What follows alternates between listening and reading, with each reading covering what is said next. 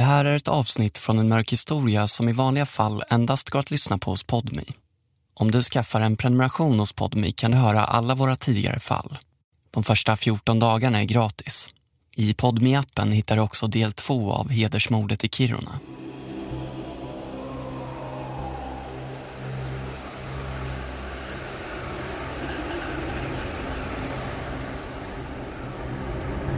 Det är vinter i Kiruna. Hela stan är täckt av tjock vit snö. Längs med de mörka vägarna avlöser plogbilarna varandra för att skotta snön åt sidan. En pappa är på väg till den lokala polisstationen med sina två söner. Pappan håller en papperspåse i handen. Tillsammans går de in i polishusets stora tegelbyggnad och sätter sig i väntrummet. Pappan tar en kölapp från automaten. Han är här för att anmäla ett brott. Det blir hans tur och han går fram till en av luckorna där det sitter en polis. Det är en ganska märklig diskussion som den här personen som tar emot har med den här familjen. Pappan vill anmäla sin egen fru. Hon är kriminell menar han. De två sönerna håller med. Hon ska polisanmälas. Och brottet de anklagar henne för är otrohet. Pappan är arg. Så han är ju uppenbarligen väldigt, väldigt svartsjuk. Polisen i luckan blir förvånad. Hon säger att det inte går att göra en polisanmälan. Där hon försöker förklara med att i Sverige så är det inte, det är inte olagligt att vara otrogen mot någon. Och de bara insisterar hela tiden och försöker förklara att ja men hon har ju gjort det här och det här och hon är ju liksom så och så.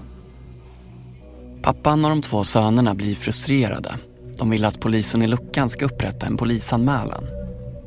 Och de har bevis, säger de. Pappan tar fram papperspåsen som han har med sig. I en papperspåse så hade de med sig ett par trosor där de menade att eh, hon visade upp det som bevis för att hon hade varit otrogen. Polisen i luckan försöker förklara för pappan att hon inte kan upprätta någon anmälan eftersom det han anklagar sin fru för inte är ett brott. Och den här kvinnan bara säger, nej men du vet, i Sverige, det är helt okej. Okay. Eller det är inte helt okej, okay, men det är inte brottsligt i alla fall. Pappan pratar på ett annat språk. Hans 15-åriga son får tolka åt honom så att polisen ska förstå. Och där står liksom den här 15-åringen och får tolka åt sin pappa och liksom hålla hans mammas trosor i handen. Jag tycker att det känns, du vet. Polisen vet knappt hur de ska hantera det. Pappan börjar argumentera med henne och sonen översätter. Men hur vet ni att hon har varit otrogen? Ja, men det, det var spermier på trosorna. Ja, men hur vet du vem spermier det var på de trosorna? Och den här pojken blir liksom, du vet, han blir alldeles tyst. Liksom. Ja, men hon, hon har varit otrogen, hon, hon, han bara repeterar det pappan har sagt. Liksom. Till slut får de gå därifrån. Det blir ingen polisanmälan eftersom det inte finns något brott att anmäla. Men när mamman får vetskap om det här blir hon rädd. När pappan anklagade mamman för att ha haft en otrohetsaffär, då gick hon raka spåret till polisen, tog med sig det yngsta barnet i familjen och fick då plats på ett skyddat boende. Det var så här det började. En svartsjuk pappa som anklagade sin fru för att ha varit otrogen. Men under ytan fanns en bitter och komplicerad konflikt. En konflikt som till en början verkade harmlös men som skulle komma att sluta i katastrof. Man visste ju att de hade en konflikt. SOS 112 Men att den skulle spåra ut, alltså det är svårt att, att liksom gissa sig till det. De, de blöder. Eh, Kiruna kommun.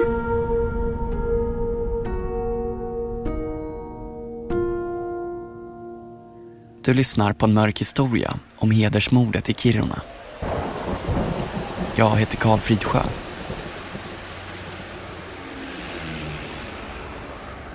I ett litet grönt hus med vita knutar i centrala Kiruna bara ett stenkast iväg från stans enda polisstation bor Josef och Alicina. Ja, trevligt. Hej. De bor i ett kollektiv tillsammans med två andra. Rezars rum var där, den här dörren. Nu bor min kompis. Josef visar runt i det lilla huset. Och sen vi brukade laga mat här tillsammans. Men det var inte Josef och Alicina som kom till huset först. Först kom deras kompis Reza. Här levde de ihop. Alla kom de från liknande situationer. De kom ensamma till Sverige 2015. Det var framförallt här i köket som de brukade hänga. Här lagade de mat och spelade kort runt köksbordet till sent på nätterna. Ofta var det Reza som lagade maten. Jo, han var väldigt duktig. Rezas specialitet var kabuli. En rätt från Afghanistan som är svår och tar lång tid att laga. Kabuli. Kabuli. Kabuli. Ja. Reza var utåtriktad, social och hjälpsam. Han hade ett smeknamn. Josef och Alesina kallade honom för Mardomdar. Ett ord som på dari betyder ungefär den som kommer bra överens med alla. Mardom där, det betyder att eh, väldigt social. Som bjuder varandra, eller ja, bjuder alla typ. De var inte bara rumskamrater, de var bästa vänner. Vi stöttade till varandra alltid. På olika situationer, på olika problem. Alltså vi har ingen familj här och det är normalt att stå till varandra. Och jag kan säga att, men alltså, jag brukar säga att jag har mycket, jag har mycket kompisar, men när jag behöver dem, jag har ingen kompisar. Reza var en av dem, alltså, som var alltid med mig. Rezas rum ligger precis intill köket. När han inte jobbade tränade han, ofta boxning. Han var stark. Hans stora paket med proteinpulver står fortfarande kvar på ett bord orört. Reza var afghansk medborgare men föddes i Iran. Han kom till Sverige 2015 när han var 15 år. Snabbt därefter träffade han Bitti Lindmark, en lärare från Luleå som hjälpte honom. Han bara utmärkte sig. Han var som så... Eh, hela... Alltså en vänlig själ, väldigt vänlig. Och det är de andra också, men han blev nog mer mitt hjärtebarn. Bitti är med och driver gruppen Stoppa utvisningarna. Hon har arbetat med ensamkommande flyktingar i flera decennier men hon fick en särskilt nära relation till just Reza. Hon tänker särskilt på en händelse i våras när hon låg sjuk i covid-19 då det plötsligt en dag ringde på telefonen. Det här året, i maj, så grattade han mig på morsdagen och hade en present till mig för att jag var hans svenska mamma. Och han sa alltid till hans eh, fru då, när jag ringde, att oj, oj, nej, nu är det mamma som ringer, jag måste ta. Det var jätteviktigt för honom. Mm.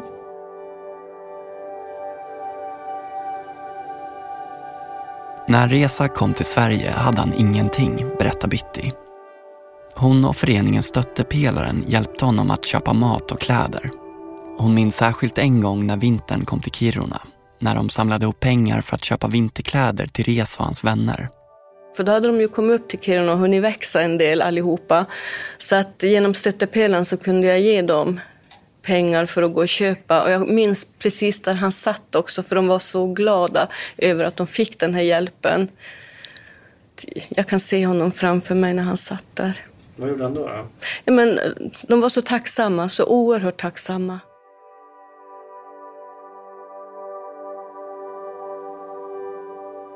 Bitti hjälper Reza att söka uppehållstillstånd hos Migrationsverket och det är en lång och komplicerad process. För att få stanna i Sverige är Reza tvungen att hitta ett jobb och det är ont om tid. Till slut får han ett deltidsjobb på Movägens äldreboende i Kiruna. Men det räcker inte. Migrationsverket säger att han måste ha en anställning på minst 24 månader för att det ska godkännas. Så äldreboendet går med på att förlänga hans anställning. De ville jättegärna behålla honom för de tyckte han var väldigt duktig. Reza jobbar som vårdbiträde på äldreboendet. Han har lärt sig svenska och uppfyller kraven som ställs för att han ska få stanna. Det verkar som att allt ska lösa sig. Ja, vi trodde det. Ja, det trodde jag också. Nu skickar Bitti och Reza in en ansökan till Migrationsverket. Den här gången med ett anställningsavtal på 24 månader. Reza är stolt över det, men blir besviken när han ser beslutet. Han har fått avslag ändå. Hans ansökan till Migrationsverket skickades in tre veckor för sent. Så när ansökan hamnar på handläggarens bord gäller inte kontraktet för 24 månader utan 23 månader och en vecka. Tre veckor för lite. Bitti Lindmark igen. Ja, det var fruktansvärt när vi sen fick svar att eh, tre, fyra veckor hade gått av de där 24 månaderna. Det var ingen som visste något om de reglerna. Det kan jag säga, för jag skrev ju alla våra grupper och alla var tagna på sängen. Då insåg vi att det räcker inte med 24 månader, man måste plussa på ett antal månader när arbetsgivaren vill anställa dem. Det är ett hårt slag för Reza. Några för få veckor på ett papper var allt som krävdes. Han mådde jättedåligt. Riktigt dåligt. Och han var ju jätterädd att gränspolisen skulle komma och hämta honom. För det sker ju oftast vid gryningstid. De är bakom dörrarna vid fyra, fem på morgonen. Så att eh, det var en enorm stress i honom. Reza är stressad. Han riskerar att bli utvisad. Men det är inte bara utvisningen som hänger över honom. Det är också något helt annat som har börjat hända. En man i Kiruna har börjat hota Reza. Jag tror att de började på allvar hösten 2019. Det är mannen på polisstationen. Han som anmälde sin fru för otrohet. Han menar att det är Reza som har haft en affär med hans fru. Reza är bekant med frun. De jobbar tillsammans på Movägens äldreboende. Erika Sundén är reporter på P4 Norrbotten och har följt Rezas fall. De, de eh, kände varandra ytligt. De var bekanta med varandra och jobbade på en arbetsplats. Och enligt dem då så, ja men en vanlig normal kollegial relation. Pappan är kontrollerande. Han har koll på sin frus arbetsplats. Koll på vilka hon jobbar med och vad hon gör. Så han är ju uppenbarligen väldigt, väldigt svartsjuk eh, och har ett kontrollbehov. Och han försökte få sin fru att gå till arbetsgivaren och säga eh, att hon inte skulle behöva jobba med andra afghanska män. Och det sa ju hon att det kan inte jag, det är inte upp till mig att bestämma, utan det måste ju min chef bestämma. Pappan har fått för sig att Reza har en relation med hans fru och under våren börjar han bli mer och mer aggressiv. Rezas kompis Alicina märker också av hoten från pappan. Ja, det var förra året tror jag att de började hota Reza. Hur hotades han? Alltså att, att de, ska, de skulle döda Reza alltså. De sa det? Ja, de sa alltså. Jag, jag såg en video som Reza filmade på den där personen. Han visade till mig den där videon. Och vad hände på videon? På videon säger han att jag ska döda dig och sen säger dåliga ord till Rezas familj, mamma och pappa. Och...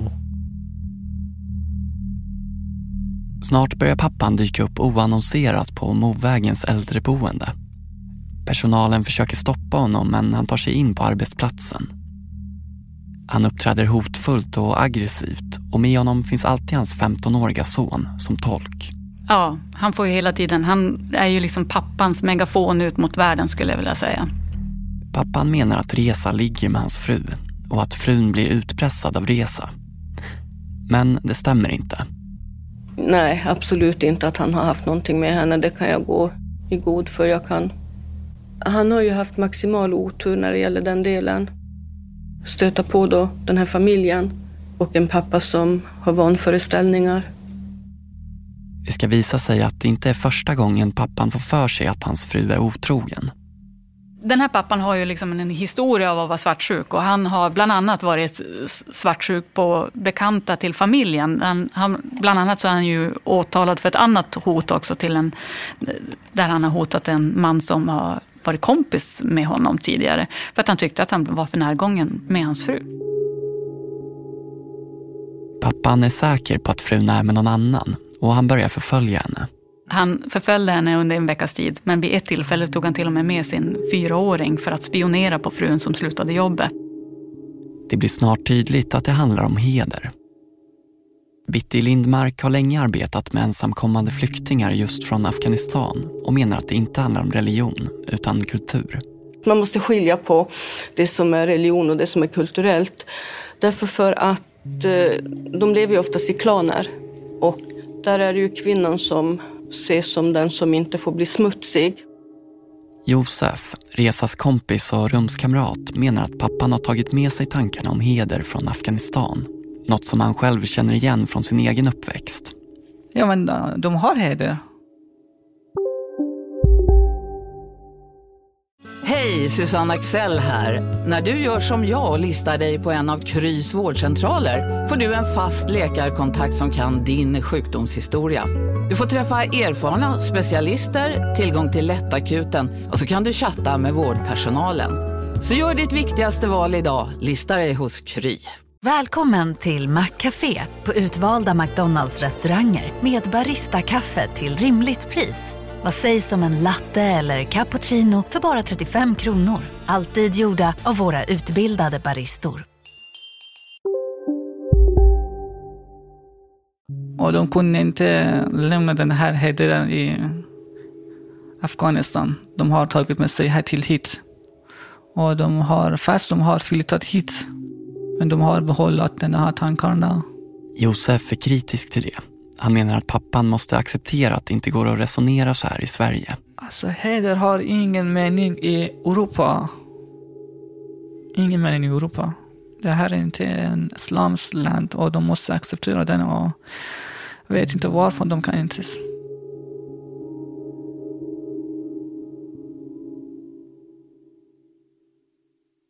Men hur hanterar man det här då om hedern om, om, om man anser att ens heder har blivit skadad, hur hanterar man det? Pappan berättar i ett rättegångsförhör. Hur man, hanterar man det i Afghanistan? Alltså i Afghanistan? Han berättar genom en tolk. Bortsett från själva maken så är det eh, kvinnans egen bror. Mm. Med tanke på eh, hans egen alltså stolthet slash heder så kan eh, han eh, lösa det. Det kan hända att eh, han tar livet av henne.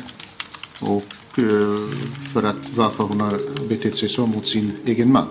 Alltså själva brodern kan, kan agera eh, på det sättet. Det kan hända att eh, han tar livet av henne. Hur ser man på maken till den som har varit otrogen då?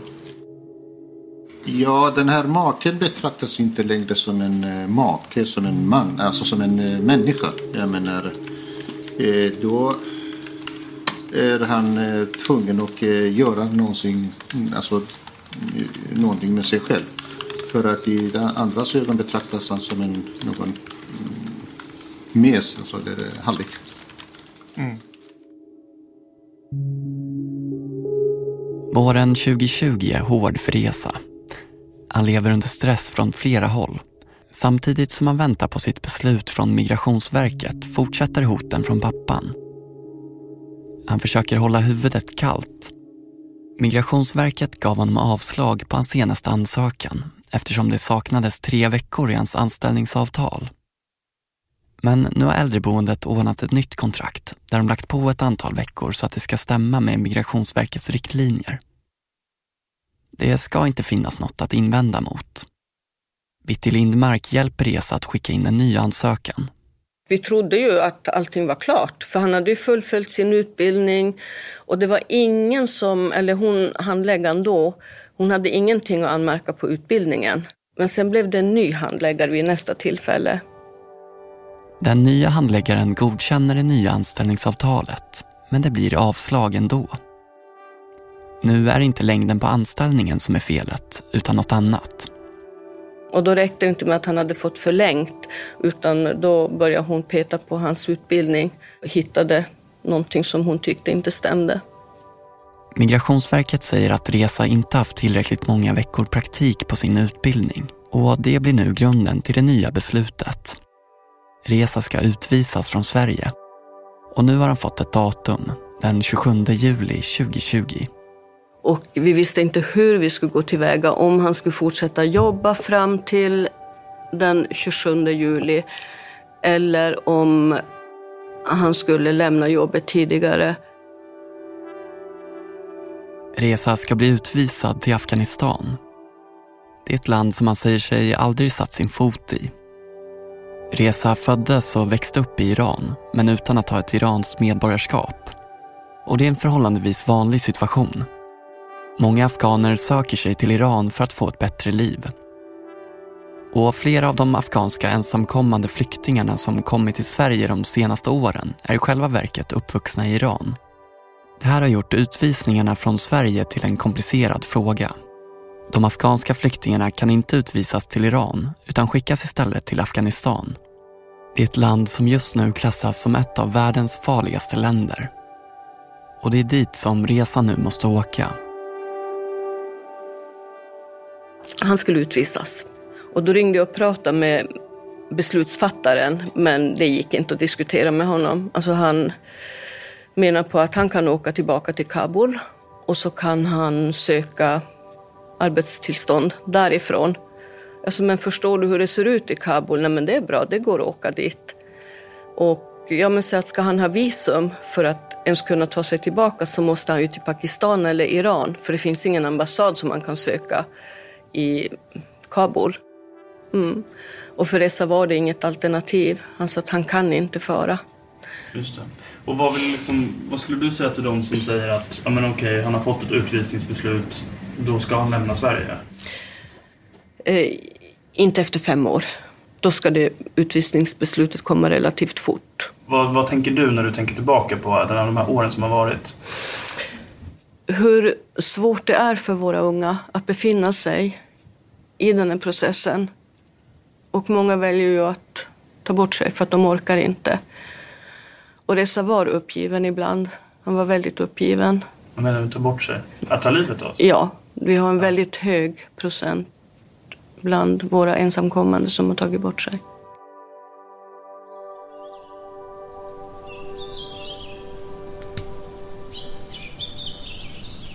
När sommaren till slut kommer till Kiruna har Reza bara några veckor kvar i Sverige. Han, Josef och Alessina försöker ta vara på den sista tiden ihop. De går ofta och simmar tillsammans. De spelar pingis och lagar mat ihop. Reza har bara några arbetspass kvar på Movägens äldreboende. Men pappan har inte släppt taget om Reza. Han tror fortfarande att Reza har en affär med hans fru. Erika Sundén, reporter på P4 Norrbotten igen. De här hoten mellan de här två, de eskalerade ju när mamman, mamman försvann från familjen för hon sökte sig till polisen. När pappan anklagade mamman för att ha haft en otrohetsaffär då, sök, då gick hon raka spåret till polisen, tog med sig det yngsta barnet i familjen och fick då plats på ett skyddat boende. Nu när mamman bor på skyddat boende så är familjen splittrad. Den 15-åriga sonen är övertygad om att allt det här beror på Reza. Han tyckte att hela hans familjeliv hade blivit helt förstört på grund av den här konflikten. Under den här tiden anmäler Reza pappan till polisen flera gånger för hoten. Men pappan anmäler Reza tillbaka. Pappan menar att det är Reza som hotar honom och hans söner. Det blir anmälningar fram och tillbaka och polisen går inte vidare med dem. Långt senare kommer man att diskutera varför ingenting gjordes här. Varför anmälningarna inte togs på större allvar. Men enligt Linda Strömberg som är åklagare är inte det så konstigt. Ja, men alltså, det är klart att det är otroligt tragiskt och efteråt kan man ju tycka att oj, oj, oj, varför gjorde man ingenting? Så. Men eh, med mitt åklagaröga när jag tittar på de här utredningarna som finns så har jag full förståelse för att det har lagts ner. För att det har varit påståenden från båda håll och det har inte funnits någon direkt objektiv bevisning som, som styrker den ena eller den andra sidan. Och då är det väldigt, väldigt svårt att gå till någon, någon slags lagföring med sådana händelser. Erika Sundén på P4 Norrbotten igen. Man visste ju att de hade en konflikt. Men att den skulle spåra ut, alltså, det tror jag, det är svårt att, att liksom gissa sig till det. Det börjar närma sig dagen då Reza ska utvisas. Reza försöker att inte tänka på pappan som fortsätter hota honom. Han fokuserar på annat. Han har under sin tid i Sverige blivit förälskad. Bitti Lindmark igen. Han var så stolt när han berättade. Han sa alltid min fru. Han har gift sig. Det fanns ju så, mång, så många tankar om en framtid, om ett liv tillsammans med henne. Så kommer juli 2020. Nyheterna domineras fortfarande av coronapandemin. Solen skiner nästan hela dygnet i Kiruna. Reza ska jobba ett av sina sista arbetspass på äldreboendet. Det är den 15 juli. Om två veckor ska Reza utvisas från Sverige. Hemma i kollektivet är det Josefs tur att laga middag. Han väntar på Reza som ska sluta klockan nio. Jag väntade på honom, jag ringde till honom, han svarade inte. Jag lagade mat för åt honom. Det tar ungefär en halvtimme komma hit, men han kom inte och han svarade inte på sin telefon. Jag tänkte, ja men kanske han ska jobba på kvällen, det händer ibland. Det här var ju någon av hans sista arbetspass som han gjorde på det här äldreboendet. Man hade ju hållit tummarna för att, du vet, hade det gått två, tre dagar till så hade det kanske inte hänt någonting för då hade han flyttat söderut tillsammans med sin fästmö.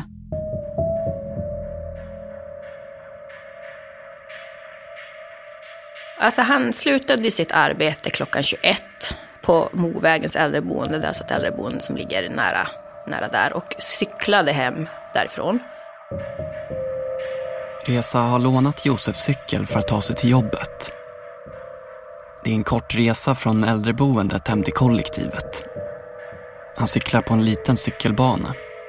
Och så plötsligt, som från ingenstans, hoppar de fram. Och då stöter han på pappan och hans två söner som är där. Och eh, det blir någon form av bråk då. Så att han ramlar av cykeln eller hoppar av cykeln, det är oklart. Linda Strömberg, åklagaren igen. Och där blir det först ett angrepp och sen så har ju han eh, på något sätt lyckats springa därifrån och springer genom ett bostadsområde. Reza springer. Pappan och de två sönerna jagar honom. Han springer genom ett bostadsområde. Det finns mängder av vittnen som ser honom. Det är liksom folk som sitter och dricker kaffe och sitter ute på gräsmattan. Det här är ju en sommarkväll. Och han ropar hjälp och springer genom det här bostadsområdet och är jagad då av pappan. Där har vi också vittnen som beskriver att han kommer springande med panik i blicken. Reza är snabb. Han springer över en parkeringsplats mot den stora vägen och busshållplatsen Lombolo backe. Där står en buss. Den är precis på väg att åka därifrån. Han bankar på bussen och liksom springer fram till föraren och, och säger ring polisen, ring polisen. Jag kan ju inte svara för vad han tänkte då, men jag kan ju bara tänka mig att han försöker söka, söka skydd i bussen helt enkelt. Bussen börjar rulla. Sen så ser, upp, stannar ju chauffören och han berättar ju att han ser en person komma springande i backspegeln och tänker att det är någon som ska med bussen. Så han stannar till och öppnar, öppnar bakdörren. Busschaffisen var precis på väg att köra därifrån. Men eh, släpper in den här killen då. Eh, och redan då så ser jag att busschauffören har i förhör berättat att han liksom var blodig i ansiktet när han kom in på bussen. Men det är inte bara Reza som släpps in på bussen. Pappan och de två sönerna hinner också in genom dörren. Det sitter en handfull passagerare på bussen. Resa springer fram genom sätesraderna hela vägen fram till chauffören. Det är ju liksom tre systrar i åldrarna liksom 15 till 20 år och det, ja, men alla är nästan under 20 år. Så det är väldigt unga människor som, som blir vittne till den här händelsen också. Men det är ju många som har liksom ändå funnit sig i situationen. En av tjejerna liksom tar upp mobiltelefonen och filmar. Och... Det måste jag verkligen. Han är i bussen. Åh, jag vet inte. Och den här busschauffören sitter ju en halv meter ifrån och ser ju också att det blir ett eh, stort våldsanvändning. Så han hoppar ju ut genom sidodörren på bussen. För han kommer ju inte förbi de här, de står ju precis där utanför hans lilla kur. Det måste jag verkligen. Han är i bussen. Åh, jag vet inte. Och sen så ser ju vittnena att det blir ett bråk längst fram i bussen. Alltså han springer ju så långt fram han kan komma och där är ju dörren stängd.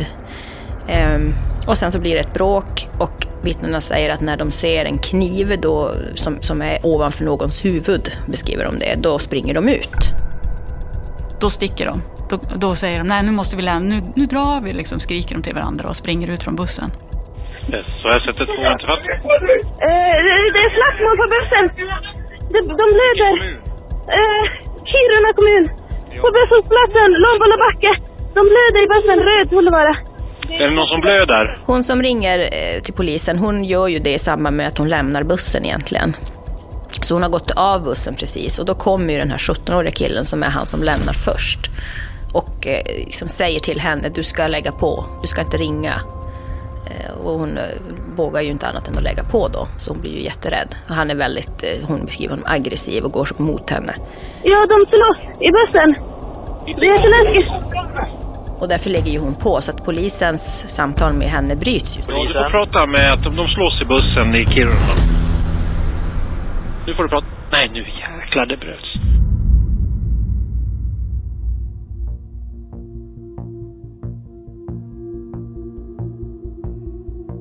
Du har lyssnat på den första delen av En mörk historia om hedersmordet i Kiruna.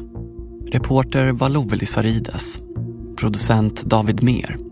Ljudmix Gustav Sundén. Jag heter Karl Fridsjö.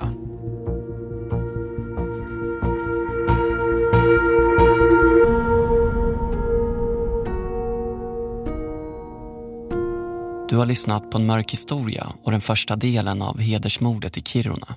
Lyssna på det andra och sista avsnittet gratis nu i podmi appen